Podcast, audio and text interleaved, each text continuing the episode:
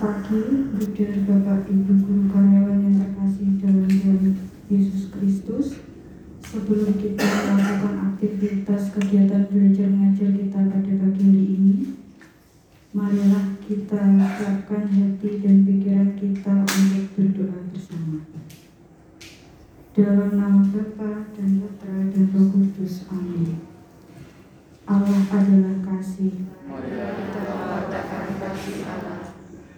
Allah Bapa Maha Setia, kami bersyukur kepadamu atas kasih setiamu dalam penyelenggaraan hidup kami. Semoga kami taat pada Yesus Kristus Putramu yang memberikan kehidupan dan kedamaian. Sebab dialah Tuhan pengantara kami yang bersama dengan dikau dalam persatuan roh kudus, hidup dan berkuasa Allah sepanjang segala masa.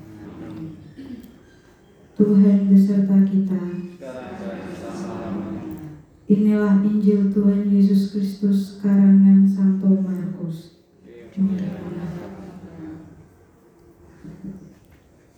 Selang beberapa hari, sesudah Yesus datang ke Kapernaum, tersialah kabar bahwa ia ada di rumah.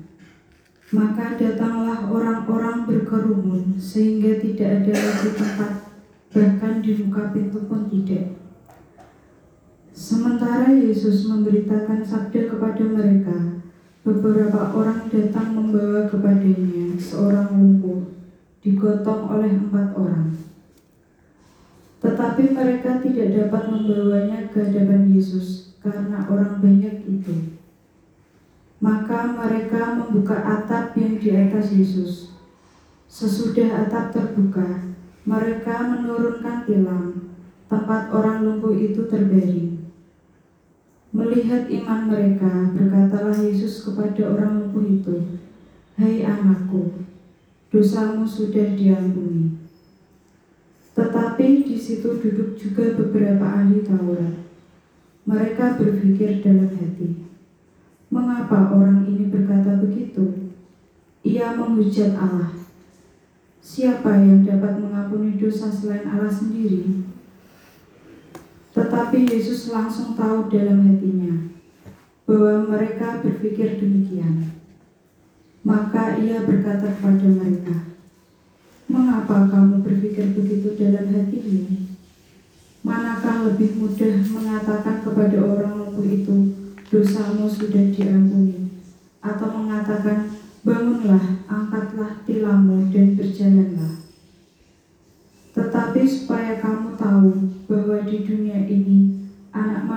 berkuasa mengampuni dosa. Lalu berkatalah Yesus kepada orang lumpuh itu, Kepadamu kukatakan, bangunlah, angkatlah tempat tidurmu, dan pulanglah ke rumahmu. Dan orang itu pun bangun, segera mengangkat tempat tidurnya, dan pergi keluar di hadapan orang-orang itu. Mereka semua takjub, lalu memuliakan Allah. Katanya, yang seperti ini belum pernah kita lihat. Demikianlah Injil Tuhan. Ketika mendengar Tuhan Yesus datang ke Kapernaum, banyak orang berdatangan ingin bertemu dia dengan berbagai tujuan. Ingin mendengarkan ajarannya, ingin melihat dan mengalami mukjizat dan sebagainya.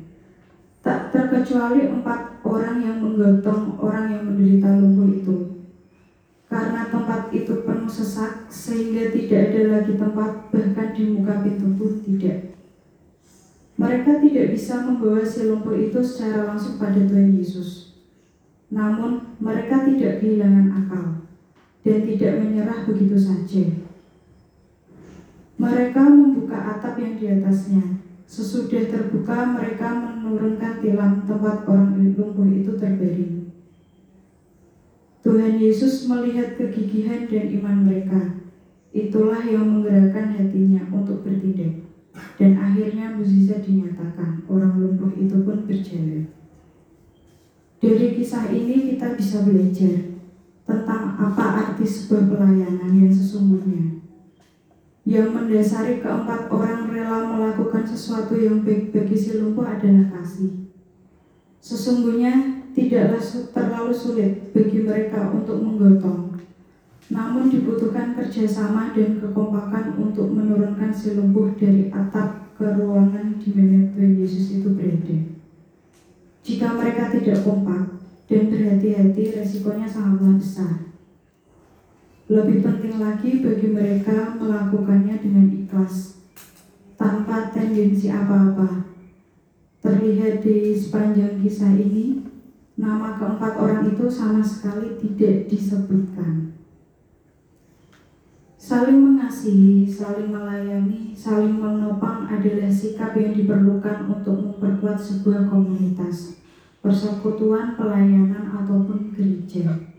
Sebuah komunitas, persekutuan, pelayanan, dan bahkan gereja, sekalipun memiliki program kerja yang bagus, tetapi jika para anggotanya tidak mempunyai kesatuan hati, tidak hidup rukun, berjalan sendiri-sendiri, tidak ada kerjasama, bersikap egois, tidak punya kepedulian satu sama lain, niscaya tujuannya tidak akan pernah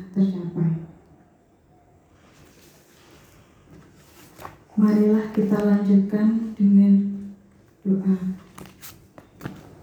untuk Jumat kedua.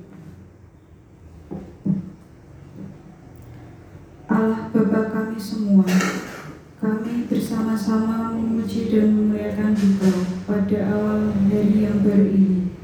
Kami mohon bantulah kami dengan rahmatmu agar kami dapat belajar mengasihi sesama seperti kami mengasihi diri sendiri.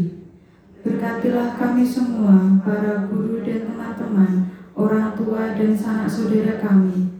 Bimbinglah kami dalam melaksanakan tugas kami masing-masing.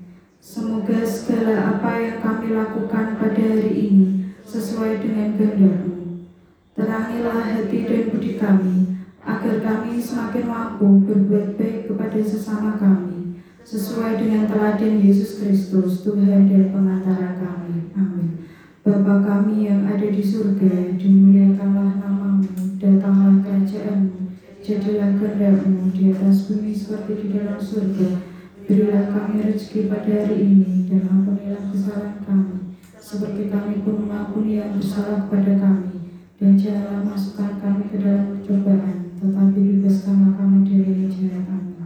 Kemuliaan kepada Bapa dan Putra dan Roh Kudus, seperti pada permulaan, sekarang, selalu, dan sepanjang segala abad. Terpujilah kami Yesus, Bunda Maria, dan Santo Yesus, sekarang dan selama-lamanya. Santo Bernardus, doakanlah kami. Amin. Dalam nama Bapa dan Putra dan Roh Kudus. Amin. Terima kasih kepada Bapak Ibu atas kebersamaan kita dalam doa pada pagi hari ini. Berkat dalam.